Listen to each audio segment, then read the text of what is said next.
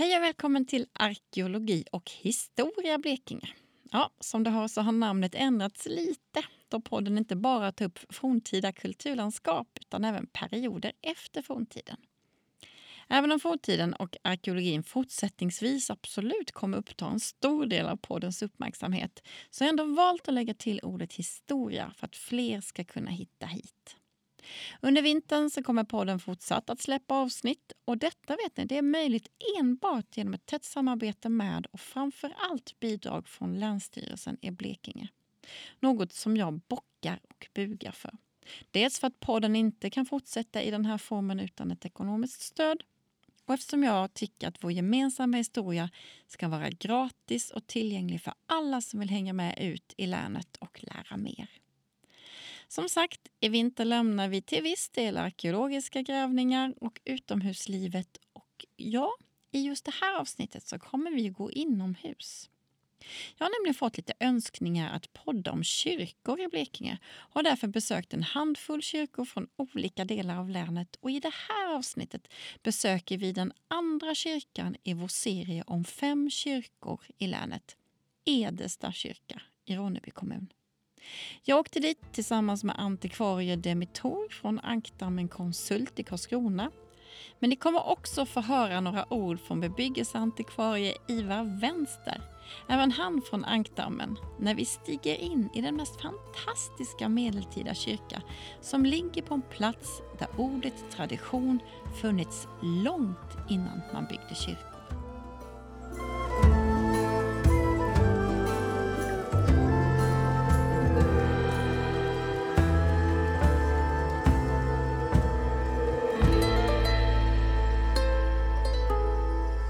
Här var det länge sedan jag var. Du har varit här innan då? För superlänge sedan. Ja. Det, den är spännande. Jag gillar ju Edesta Ja. ganska, kyrka ganska mycket om man får säga så. Varför, varför då? Jag, tycker den är, den, jag tycker den är lite speciell. Alltså, den, ligger, eh, den ligger väldigt fint, den ligger väldigt, eh, om man bortser då från järnvägen som är precis dragen precis här. Sen eh, när vi jobbade med den och sånt så den har ju lite speciell eh, eh, betydelse här verkar det som. Det är ganska tydligt att se liksom lite historia i detta i och med att den har ju sin offerkälla då som är ganska Ja, gammal. Jag vet ingenting. Jaha okej, Egentligen ja nej men den, eh, den kan vi också kika på. Den Ja, är ju lite speciell. Ja. Mm. Nej men jag, jag gillar den och sen har den ju ganska mycket historia i sig Mm. som syns. Tycker jag. Ska vi gå in? Ja, det vill jag.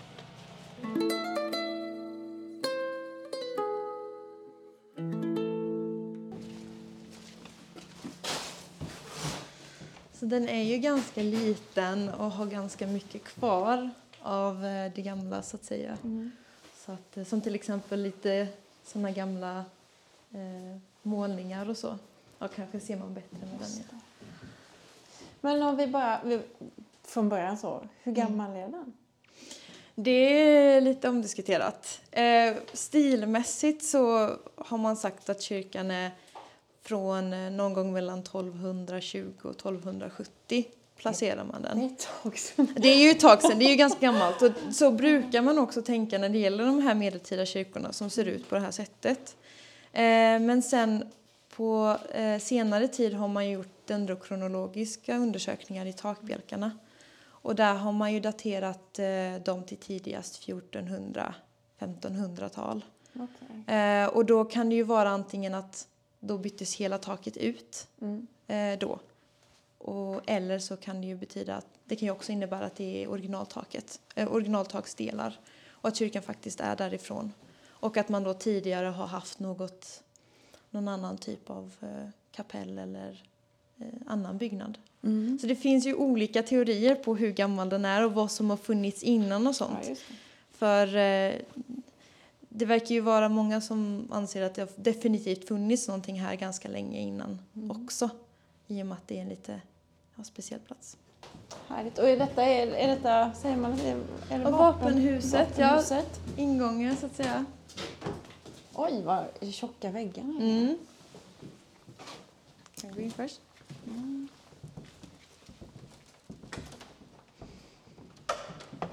Men du ska se, nu gick man in från sidan här.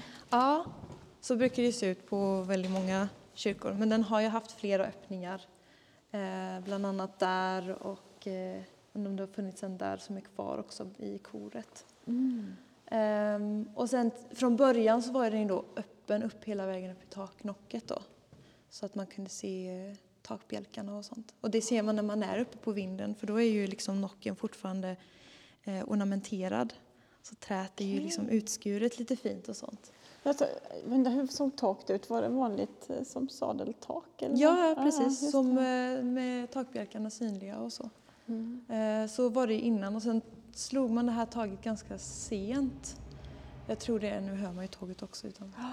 Men jag tror taket är eh, a- 17 eller 1800-tal.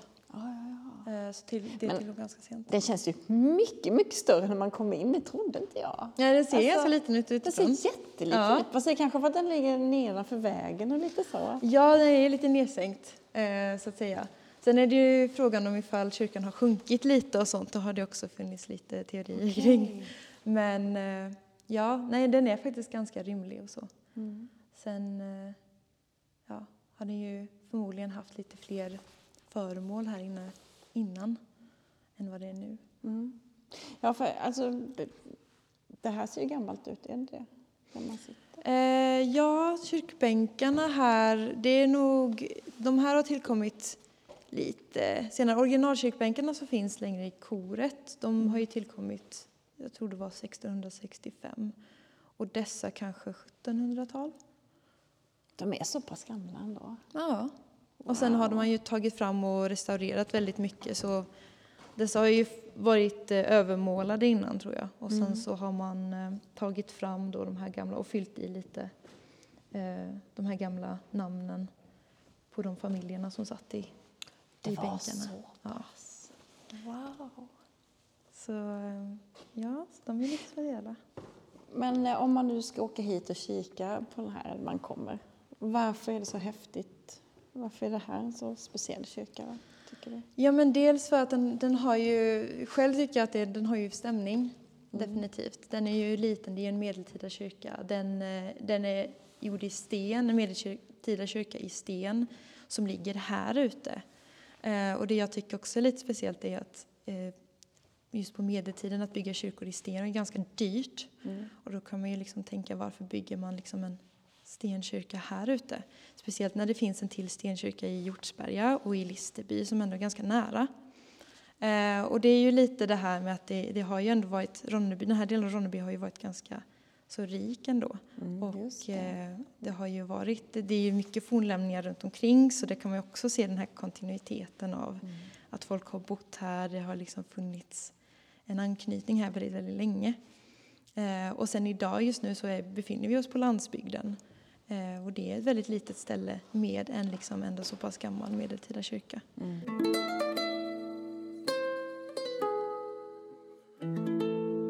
Sen har vi ju koret då, här längst fram är ju också lite speciellt. Ehm. Ja, så den har ju en eh, målning Taket. från 1730. Tror jag den är färdigställd. Oj. Så den är också väldigt eh, speciell. Vad vet man om den? Eh, att den målades eh, 1730 eh, och innan dess så eh, har det varit öppet här uppe i tak också. Det är lite finare sniderier på vinden här än i långhuset. Så Är att- det det? Ja, den, de är lite, lite mer eh, detaljerade här. Och sen finns det ju de här altarbänkarna här är ju resterna från de 1600-tals. Satt man? Bänkarna. Vem satt här då, eller vilka var det? Ja, det var körsångare och eh, ja. Förmodligen har det också varit stängt här eh, på så sätt som det var i katolska kyrkor tidigare. Att man eh, såg ju inte hela vägen in till koret, så det var ett heligt rum. Så det får man ju också tänka Ja, hur fungerade det då, när, när det var stängt? Ja, men då, då var ju det här det innersta heligaste rummet. Ja, Ehm, och sen så predikade man ju liksom ut här där. ut här då. Ja. Precis. Och när öppnades detta, vet man det? Men man vet inte riktigt, jag, jag har inte hittat riktigt när man tog bort det. Utan, men det skedde väl förmodligen, ska jag tro, ganska snart efter eh, att man inte var katol... Att man slutade med katolicismen. Mm. Skulle jag tro. Det knakar i golvet hörni. Mm.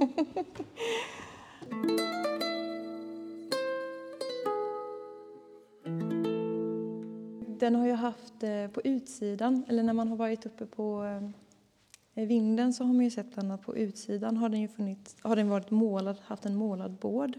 Ah, det är som förkärle har något sånt va? Ja, ja Eller? precis. Ja, just det. Så den har haft en målad bård på eh, utsidan som har gått omkring runt taket i ett zig- zigzagsmönster. Man Och kan det är inte, man kan se rester av det om man går upp på vinden Ah. eh, från sakristian. Och det vet jag inte om det är kanske lite för eh, krångligt att göra det just nu. Mm. Men där kan man se resterna av färgerna som fortfarande sitter kvar. Och inristningarna. Och eh, sen finns det de här små nischerna och så som har förmodligen varit små eh, skåp då, eller Mm. altarskåp för eh, eh, kan vara ett helgonavbilder eller så. Så kan man ju också som vi såg där inne se rester av medeltida det, målningar och så. Det. Ja. Det kan man ju också... Så är, är det original som vi såg ute i vapen? Ja, det är ju säkert, eh, det kan ju vara restaurerat Mm. eh, under någon tid. Men eh, annars är det ju själva bilden och så kan ju vara från senmedeltid. Mm. Så, ja. Hur användes en sån här kyrka då? När det var medeltid? Ja, man var nog eh, tvungen att gå hit på söndagar. Det användes ju av hela eh, socknen. Mm. Här, Edesta by låg ju eh, främst över, eh, precis här över järnvägen, över fälten. Så låg ju liksom de största gårdarna där förut. Nu finns nog bara en, tror jag, eller två gårdar kvar. Mm. Men sen så kom man hit. Sen eh, var det ganska många som vallfärdade till den här eh, kyrkan också. Jaha.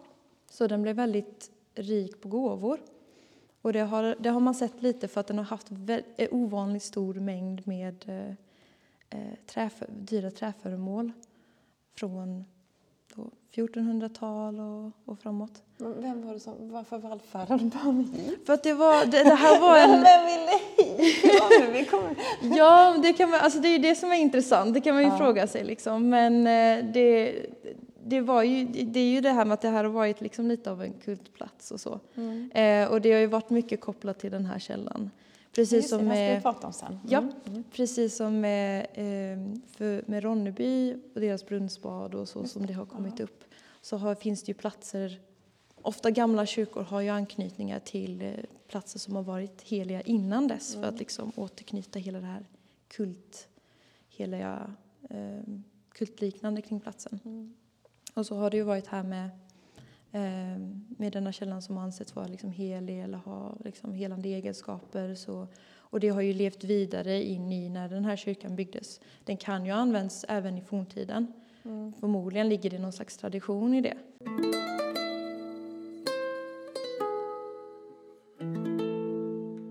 Eh, vissa saker blev ju inköpta av eh, pengar som hade då donerats till kyrkan av de som vallfärdade hit och så. Eh, och det var ju så pass mycket att man hade råd. Vissa skulpturer vet jag var från Estland, eh, äldre skulpturer och sånt. Så man hade ju tydligen råd med att eh, utsmycka kyrkan och köpa in dessa sakerna. Och det är ju, eh, det säger ju också en del lite.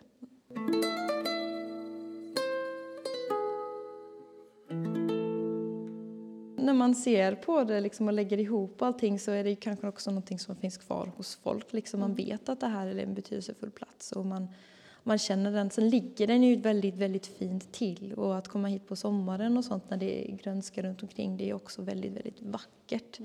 Så den har ju väldigt mycket stämningsfullhet kring sig, om man kan säga så. Och så, det var denna kyrkan, sen fanns det flera som var sam, nästan samtida eller? Sten, eller? Det finns ju flera medeltida kyrkor ja, i Hjortsberga och sen i Listerby och sen finns det ju i Förkärla och sen har vi då in i Ronneby. Och alla dessa ligger ju som ett litet kluster ganska Ja, nära precis. varandra. Ja. Eh, och speciellt Hjortsberga då kanske och Edesta, båda två ligger ju, om man säger nu då, i, eh, ganska långt ute i i skogen eller på landsbygden kan man säga. Eh, och det är därför det blir också speciellt. Så följer ju de detta pärlbandet av fornlämningar nästan. Eh, man kan ju se det som går ner mot havet. Ja, just det, det hör ihop. Mm. Så det är också väldigt fint på ett sätt. Mm.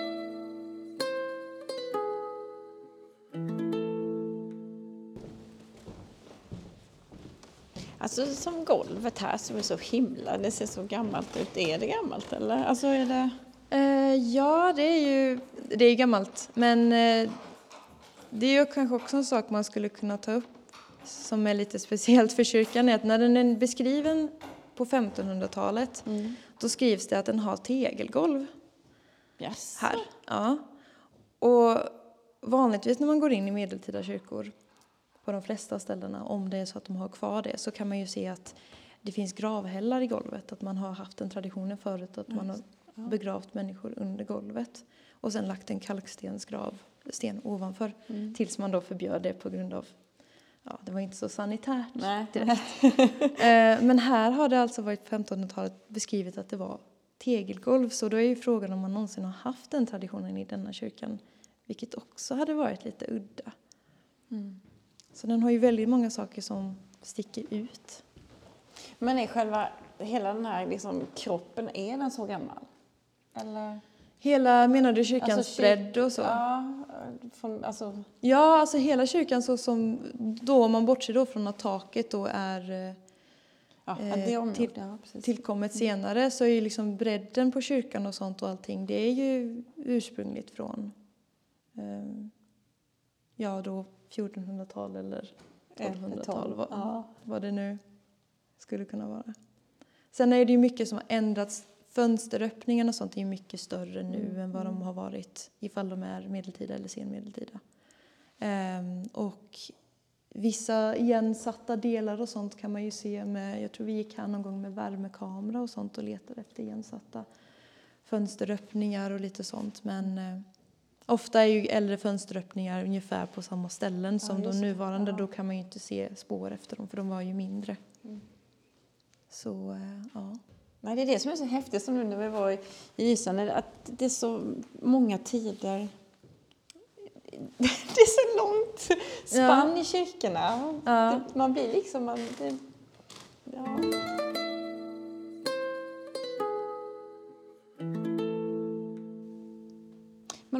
Åker hit, jag tar mig en dagsutflykt och ska Mm. hit. Vad, ska, jag- vad tycker du, hur ska jag ta mig an den här kyrkan då? Vad, vad ska jag tänka på? Vad, vad finns det liksom? Okej, nej jag... eh, Ja.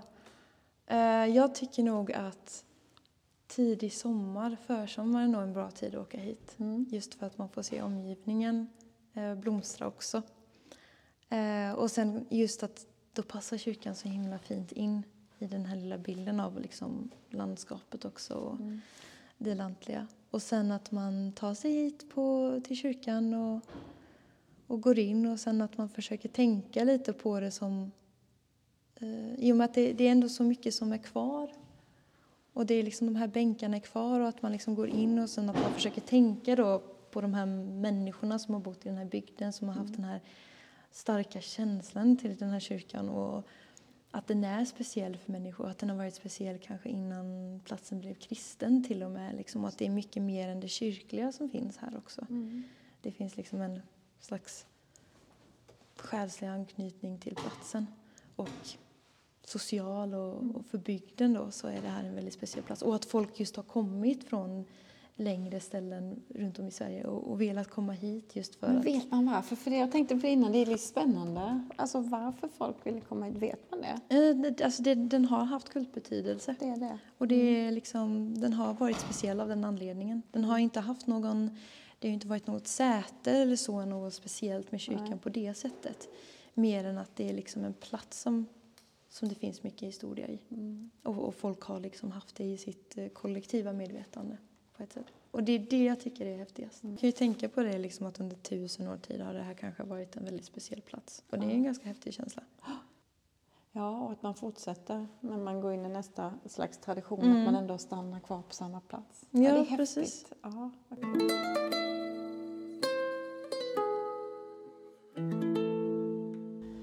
Jag gillar målningen. Ja, just det. Det är, ju... det är sånt.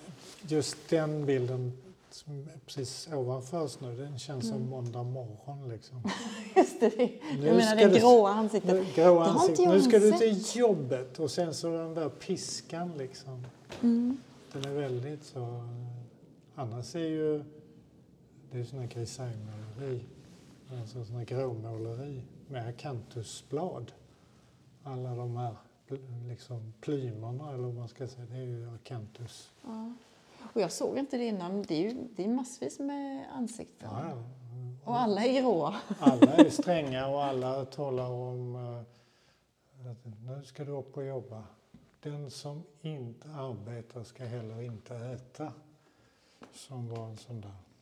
Ja. Så den är sträng.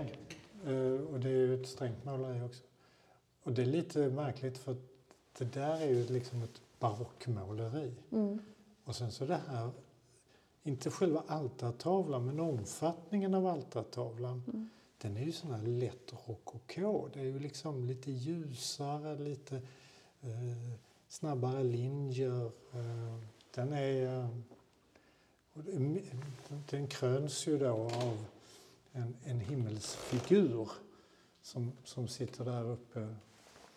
Eh, och och eh, det- ett, ett, liksom ett milt ansikte på den. Den är väldigt speciell.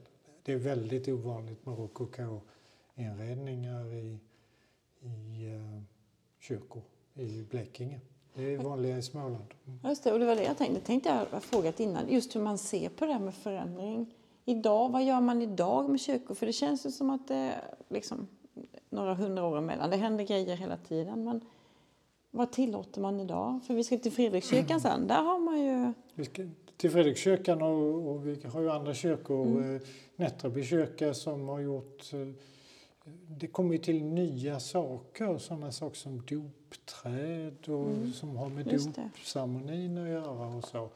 Och de får ju också de gestaltas för sin tid. Mm. Sen är det ju, eh, ibland blir det väldigt mycket upprepning från olika tider. Mm. Alltså korsfästelsebilden den är ju liksom så väldigt central. Eh, kanske, det har den ju varit i bildmotiv i kyrkorna ända fram till 30, 1930-1940-talet. Idag Mm. så är det ju inte, då använder man kanske korset Mm. eller de tre korsen eller liksom Golgatas scener men, men inte de här väldigt blodiga Nej, eh, just det. Nej, nej och det precis. har ju naturligtvis med, med sättet att liksom se på kristendomen Mm. och hur, eh, hur man liksom tolkar det kristna budskapet och så. Eh, Mycket från 15, 16, 17 är ju ändå trots allt en, liksom, det är ju ett maktförhållande. Mm.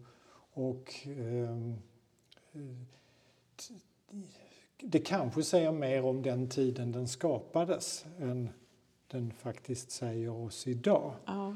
Eh, Men om vi bara backar ett steg så finns här ett, det är väldigt, Oj! inte så mycket kvar av det, men det är ett Nej. triumfkrucifix och det har suttit troligtvis eh, på den här platsen. Jo, Vi vet väl inte om det ursprungligen har varit Edesta alltid och så, men, men 1300-tal. Mm. Eh, nu saknas det både fötter och armar på Kristus. Eh, men det är ett, ett, ett väldigt fint arbete. Och det som är speciellt, man brukar säga, som påverkar den kristna konsten under 1300-talet, det är att skulpturerna blir väldigt mycket mer, det blir mycket mer lidande i Kristus. Alltså från att gå från de romanska och förgot, tidiggotiska skulpturerna som kanske påminner mycket som Madonnan här egentligen. Eh, Alltså ganska blida, uttryckslösa ansikten och så. Så blir det ett väldigt, väldigt starkt lidande och det blir mer blod och det blir de här pinoredskapen framhålls. Och det finns ju olika forskares teorier om detta men delvis så är det ju så den stora döden drabbar eh, Blekinge på 1300-talet. Mm. Hälften eller en tredjedel av befolkningen dör. Mm. och det är också då som vi ser de här lidandets bilder ja. för första gången.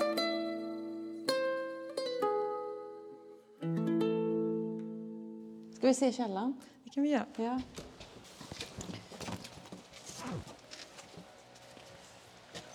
Ja, det, den ligger ju jättegulligt. Ja, det gör den. Sen har den sådana små detaljer på yttersidan också som det här lilla soluret. Ah. Det är det lite mer oklart till när det kom till. Men eh, det är också en sån där detalj på kyrkan som är lite unik. Och var ligger källan? Jo, den kan vi gå bort till. Den är ju framtagen idag. Mm. Så den går att kolla Vet på. man hur länge, vad sa vi nu från början då? När vet man att, att man var här? Det är ju det man inte vet. Man vet ju bara att man så att säga inom citationstecken alltid har varit här. Ja, just det. Så källan har ju funnits innan kyrkan Mm. troligtvis. Ja. För att så länge kyrkan har funnits har källan funnits. Mm. Och eh, det är ju också troligtvis varför eh, man har lagt kyrkan här. Och man kan ju spekulera kring att det har ju förmodligen legat något slags byggnad här innan kyrkan också. Någon träbyggnad eller liknande Ja, just, över, eh, eh, över denna platsen. Jaha, och vad har man gjort här i den? Höll jag på att säga. Har man Eh, druckit det? Det kan man ha gjort. Man kan ha offrat. Det finns ju... Eh, eh, det, finns ju det är ju en källa så att man har ju inte offrat Nej. eh, några djur eller människor eller så utan troligtvis ja, slängt ner mynt eller att man har tagit upp vatten eller har Mm. ansett att detta vattnet har varit heligt och kanske an- tagit med det och velat hela sjuka barn eller eh, sjuka familjemedlemmar.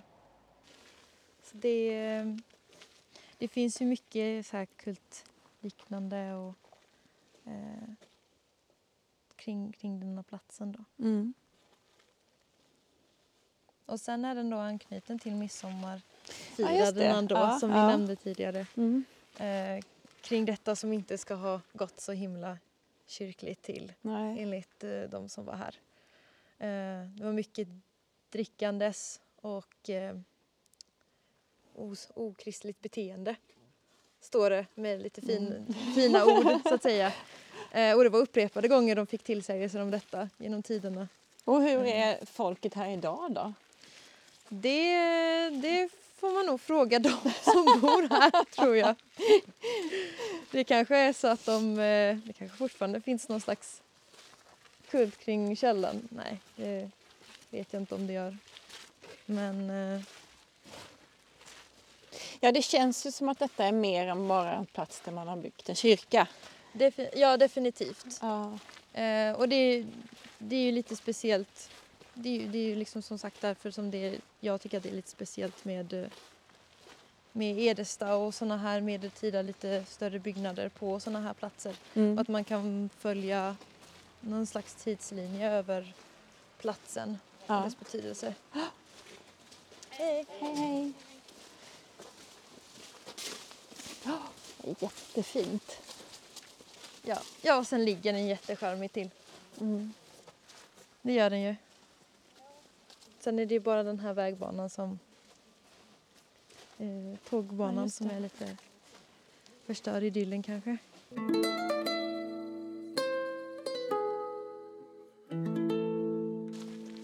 Gud vad hög den är kyrkan, ja. Det ser man ju Ja. nu. Så det är en hel vind.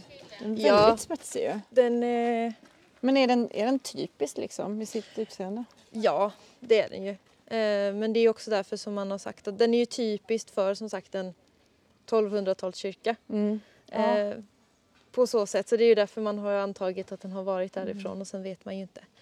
Den kan ju också ha varit tillbyggd efter det. det är ju, sånt är ju svårt att veta eftersom det inte finns så mycket Men har ni tagit ändå alltså, uppe på vinden högt? Alltså i själva bären? Ja, i, i tak, takbjälkarna då. Mm. Och det är ju det, takbjälkarna kan ju vara utbytta. Eh, för man byter Ja. ju ut taklaget ibland ju. Eh, så det vet man ju inte om det kan ha varit att de är utbytta då och det är därför träden är från eh, 1400-1500-talet. Tidsresenärerna. Ja. ja. Eller om det är så att de är från kyrkans ja, ursprung. Men då kan man också tänka att det varit helt öppet raka vägen upp i Nocken så det måste ju varit en stor kyrka. Man får ju tänka som kyrksalen inuti så mycket större då också än vad den är nu i och med Men den kändes jättestor. Den kändes mycket, mycket större än vad Ja. man tror utifrån. Ja. Och då får man tänka liksom att det ska också varit hela vägen upp i Nock Mm. inifrån. Och då måste det också fått en väldigt stor, liksom, känn, mäktig känsla när man kommer in och liksom ser hela vägen upp. Ehm, så det, det är mycket man får liksom använda lite fantasin till också Mm. föreställa sig eh, hur det har varit. Och sen mörkare då inuti med mindre fönster, högt upp i liksom nock där det är liksom lite ljusinsläpp och sånt som man Mm. Och får så det också trä då sig. eller? Ja. Ja, och inte det här vita som var nu. Nej precis. Och sen kanske målningar på väggarna, kanske liksom träskulpturer. Så man får ju också tänka sig mycket mörkare insida. eh, Lite I den medeltida kyrkan. Ja men det, det ska nog vara lite läskigt. Ja. Det ska nog vara lite, man ska komma in och känna liksom, det ska ju vara ödmjukhet inför Mm. Gud och det ska ju vara någon slags ehm, det har ju också varit en helt annan stämning än vad vi är vana att se i kyrkor idag. ja, precis. Då de är liksom ofta väldigt vita, ljusa. Mm. Och det är ju också en stilförändring som har skett Mm. sen, sen medeltiden. Ja, precis. Det som ligger där uppe, vad är det? Det är, jag tror det är Blekinges äldsta klockstapel. Jaha. Ehm, själva Men har den tillhört då? Alltså ja, det är den man har kallat? precis. Det, den tillhör Edesta kyrka då. Ja. Och eh, eh, jag tror träet i den är nog från 1700. De äldsta träddelarna. Men eh, Häftigt. själva konstruktionen och så är nog det äldsta. Mm. Så den har det ju ringt sig till. Eh, Ja, det är ett häftigt område hela, hela det här Ja. i, i Ronneby kommun. Alltså, med just alla fornlämningar och vi har ja. hela Johanneshus och allt detta. Och, Men och Ronneby Vång har och- mycket Ja. historia. Eh, Mellan Ronnebyon och Nättrabyon. Ja. Mm. Det är där, liksom, där ligger de medeltida kyrkorna, Ja. de här äldsta. Och det är speciellt. ja men det är väldigt mycket, Ronneby har ju väldigt mycket historia. Ja, det, och, Och, och liksom Ronneby bygd har ju varit Alltså Ronneby har ju nästan varit den mest, alltså viktigaste platsen innan i Karlskrona, alltså Mm. viktigaste området. mm. Och eh, i Ronneby har ju varit en jätte, jätteviktig stad också. Det är liksom, det, man får tänka, liksom, nu ligger väldigt mycket tyngd kanske i Karlskrona då Mm. idag medan man får tänka liksom, att tyngden har legat mer på Ronneby liksom, innan Mm. historiskt och det ser man ju de här tecknen på kvar att, att det är där centret har varit. Man Mm. ser också på äldre kartbilder och sånt att Ronneby är med. Även Mm. liksom på stora kartor Mm. eh, som viktig handelsplats och sånt. Så. Ja, det är Kalmar och sen runt Ronneby, sen har vi Sölvesborg. Ja, Ja. precis. Och Och lite det- däremellan då. Ja, Mm. precis. Ja, vad fint. Tack snälla för det här. Ja. Jag tar den där. Wow. nu är du fri.